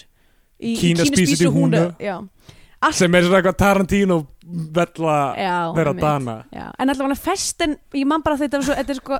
þetta er brent inn í horninu mína, er að sitja í nýjöndabæk, ykkur svona prime gelgju, þú veist, með öllum hinum bekknum mínum, að horfa á fucking atriði í festen, þar sem að þarna, hjónin er að ríða og hann er ennþá í sokkunum og stuttunumból en bera neðan ja. og maður sér bara svona aftan á hann og þetta er svo ógeðslegt atriði og, það, ég, og bara maður, þú veist, ég var bara svona svitna í lónum og bara hvað er ég að horfa á bara eitthvað, og það Ég er held svona að- vínum mínu kring ég held að Dogma og Tarantino sé það sem hefur farið vest með íslenska kveikmyndagerð Já, algjörlega því það er bara hluti sem þú veldur ekki nema þú sért þeimun betri Já, nákvæmlega Þú veist, bara gera þér erfitt fyrir með Já. því að reyna, reyna eitthvað svona trikk og líka bara, sorry, en þú veist, ef þú vilt vera einhvers konar þú veist, skapandi manneskja eða, þú veist, ég veit ekki hvort það sé einhverjur sem er ennþá sækist eftir að vera kallar auteurs Mhm. að þá gengur ekki að vera að horfa á það sem aðrir eru að gera og kópra það hugmyndafræðin bak við það að vera auteur er að fokkin búa til eitthvað sjálfur yep. helvitis en ég veit vitleisa ekki hver hugsunin var svo sem í þessari mynd hvort að það hafi verið beint inspirið að Dogma eða eitthvað þannig en þú veist, ég verð að segja ok, við erum þetta ekki komin svona langt klárum Skandinavian Pain Já, er, það er náttúrulega mikil eimt um, það er þunglindi, kvíði uh, einelti um, amman er, er að díla við eitthvað, eitthvað full, full og ómöguleg ég fíl, amman vil bara fucking amman vil hún vil bara jamma fara til, amma vil djama, hún vil bara fara til Flórida og Já. vera bara flott í bikininu sínu og Hún vil hérna, bara ríða einhverjum ungum myndarlegum gaurum og, og vera smá full og mála sig og ég skil ekki hvað málið er eða hérna. af hverju er það svo slemt Já, um, en það er allavega það er alveg, og ég meina já það, virðist, það kemur svona hálpartin ljós að þau fara þarna, er alltaf eitthvað að fara upp í hólafallakirkjar þar sem að pappan sá vist að vera grafin og ég Já. bara spyr, er ekki örgulega svona að minnstu kosti 50 ár síðan eitthvað var niðursættur í hólafallakirkjar síðast Jú, það er rétt. Það, er meikar ekkert pláss. nei, það er ekkert pláss Þetta er bara eins og í Berlín, það er ekkert íbúður hér, það er ekkert það fekar leiði. ekkert sens að þessi grafin þar Það er reyndar sumir hafa kannski tekið frá fyrir bæði hjónin eða eitthvað svona fjölskyldureit og þá er Já, eitthvað svona hægt að kannski. tróða einhverjum að. allavega, ég hef aldrei, í mínu minni hef ég aldrei sinnið nýjarsættanar Nei. um, allavega uh, hann, sérst pappin held ég fyrirfór sér það var svona eitthvað að tala í kringum það Já, kannski. eitthvað, hann var eitthvað, segir við strákinu eitthvað, já, hann var bara svo þreyttur hann Já, þurfti já. bara að fara, eitthvað Já, bara kvíði eða eitthvað. já, allavega, þannig að það er, það er sjálfsmorð og attempted sjálfsmorð Já, um, það er alls konar, það er alls konar svona, já en hún er bara sko svo silly í hvernig hún er fram, Já. fram, fram, fram, að, það er brotnar fjölskyldur og það er, það er líka svona kapitalismin að taka yfir eitthvað. Já, með mitt Sko ef að, ég, ég er svo, Enga- vel- svo velti ég fyrir mér hefði ég Lítið. kannski, hefði, þetta- hefði þetta verið sorglera og svona meira, meira trist og, og hérna uh, harmþrungið ef að þessi fucking göngubassi hefði ekki verið undir í öllum atriðum Dimmi dum ba bam bum bam bara það, það, ég get ekki tekið neitt alvarlega því að þú veist, þetta er fucking uh, Já, þetta var næstu því eins og þú veist uh, það kemur ykkur inn eitthvað That lady had legs up to here and gams that won't quit já, Það- einmitt Þetta var smá svona spæjara já, þetta, var, þetta, passa, þetta passaði ekki alveg við, fannst mér Þannig Daniel að, Bjarnason nýtur mikil af virðingar og ég vissum þetta er bara, þú veist Ég veit ekki, ég veit ekki, kannski var þetta eitthvað mjög misgætið í honum, kannski var þetta bara nákvæmlega sem leikstjórnir vildu, ég Já. veit það ekki en þú veist, þetta, þetta er tónskáld sem eh, of some note, sko já, einmitt ég veit ekki, Mér fannst þessar strengjótsetningar þarna sem líka að 16 ár síðan eða eitthvað þetta var- Já, gerði einmitt, þarna. sem að við, þú veist, við sem voru í byrjuninni og held í endinum líka þegar hann er að fara neyru höfn það var alveg promise þar sko en svo kom alltaf þetta fucking jazzbull og eðilega allt já, um, þannig að ég veit ekki það eru einhver element þarna en, en ekki, þetta er ekki full swing sko þannig að ég er sem að ég er sem að segja mm, uh, ég ætla að segja uh, 6 af 10 um, starfsmunum barða verndarnemdar já ég ætla að gefa henni 36 af 57 málverkum af móður sem hefur aldrei sést ok, flott Það er Heyrðu, komið þeim tímabótið það sem við annarkort gefum myndinni sess á flagskipi íslenska kveikmynda og þá fer hún í íslenska fánan eða við mælum með því að hlustendur horfið frá á einhverja banderska Hollywood-dellu og þá fer hún banderska bjánan já, um, Ég get bara sagt að þú veist um, uh, ég- Björn Tórs og Unnur Ösp eru uh, talandið fólk og, og góði leikarar og, og ég sé þau í mörgu góðu uh, Ég veit ekki hvort þau hafa gert eitthvað annað svo sem þú veist, það sem þau skrifa eða, jú, þau eru, þau eru núna með þú veist, þau voru að fá einhver grímuvelun þau eru með eitthvað svona prívat um, svona verkefni eitthvað dæmi um, já, ok þau eru ekki partur af vestuportið eða? já, svona að einhverju leiti en ekki svona, þau eru kannski ekki alveg ég veit ekki hvort þau Burðarliðirnir. eru alveg core Mm. en þau hafa alveg verið í því en þau voru, í- þau eru búin að vera með eitthvað svona mjög svona einhver indie leikusverkefni sem hafa notið einhver, einhverja hilli ok, en ég veit ekki um, hvort þau hafa skrifað eitthvað annað eða leikstyrt einhverju öðru mm Mhm. Unnur Ösbreyndar, ég sé það núna á kveikmyndavefnum hún leikstyrir í uh, stuttmynd sem amma mín, eða st- svona dansmynd sem amma mín leik í sem er uh, mér, á mér á staði í hjarta mínu þetta ok, er frekar gekkja dót en kannski mikið, ekstra mikið fyrir mig á því að amma leik í henni hvað hvað er það? hún hétt While the Cat's Away Mm. og um, er mjög sætmynd Mm. allavega unnur ösplegstir henni um, já, þannig að þú veist, þetta er talendið fólk sem hefur gert m- margt flott ég veit ekki alveg hvað var í gangi þarna þegar þau voru að gera þessa mynd og uh, þ- þessi mynd er með marga af þessum göllum sem við höfum talað um í íslenska kvikmyndagerð það er eins og tónlistin Tó- Já, t- það er tónlistin klárlega og það er eins og handritið hafi bara ekki, þú veist, fengið alveg að matla Nei, og kannski bara svona markmiðin með myndin eitthvað óskýr, ég veit ekki, ef Já. þetta á að fjalla um einmannleika eða kvíða eitthvað þannig, það svona skortir bara að þessi explora nógu mikið og, og Já. allt þetta weird dót sem kemur, allt þetta weird dót í henni er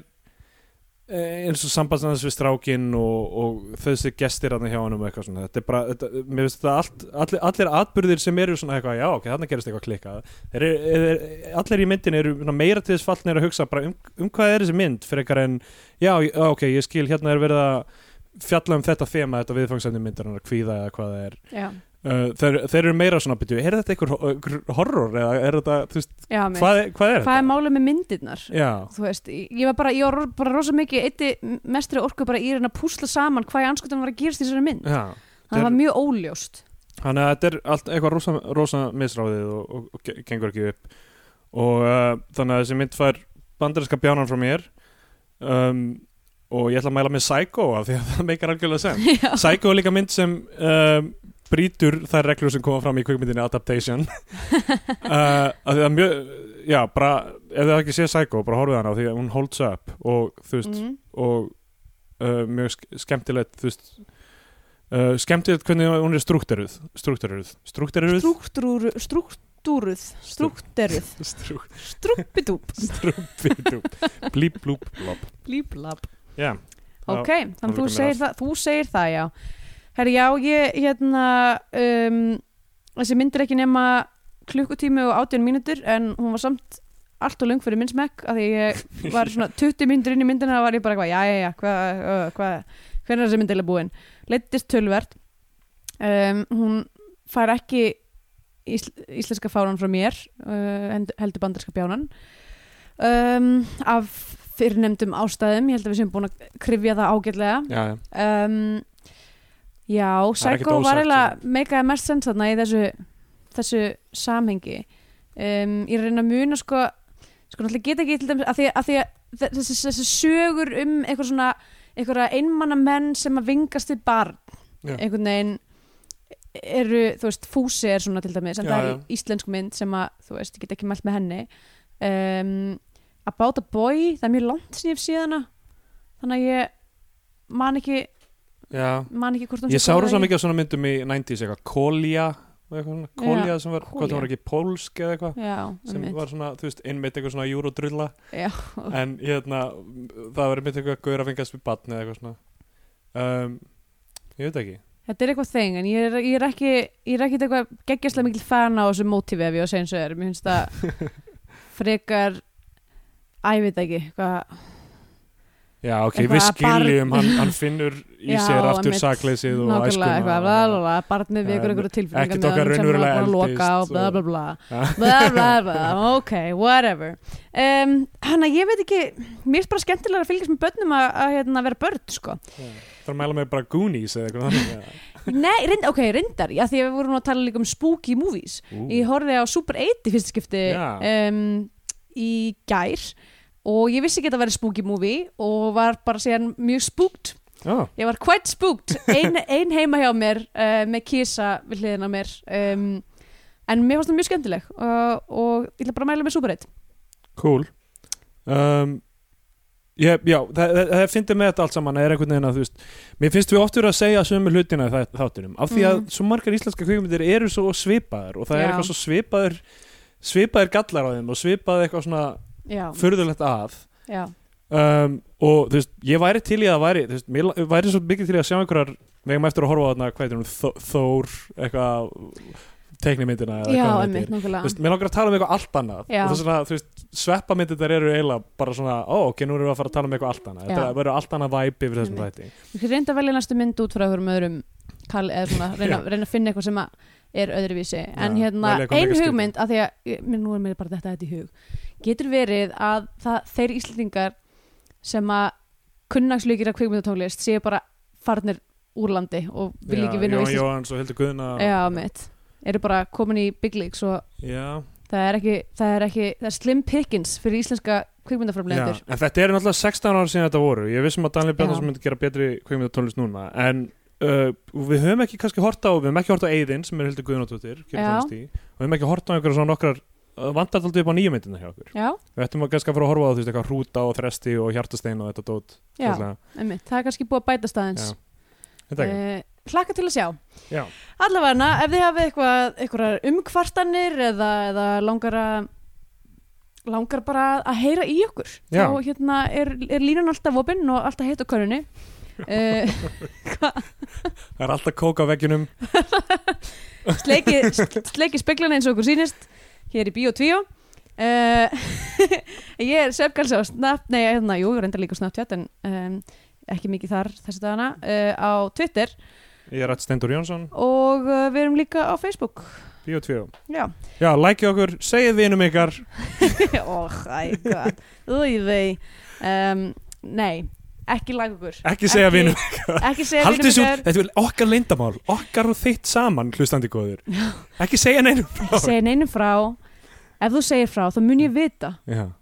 Við munum sjá það á áhlustunatölunum Hlustaði einum fleiri Já, það á þennan er þátt. einhver búin að kjafta Já, Þetta eru svo fight club Já, nokkulega Fyrsta reglun er Ekki, bara ekki Ekki segja neinum og hlustar á Ekki Bíó einu sinni 2 hugsa Regla nummið tvö, ekki segja neinum og hlustar á Bíó 2 Ok, sjáumst að viku liðinni Bye Bye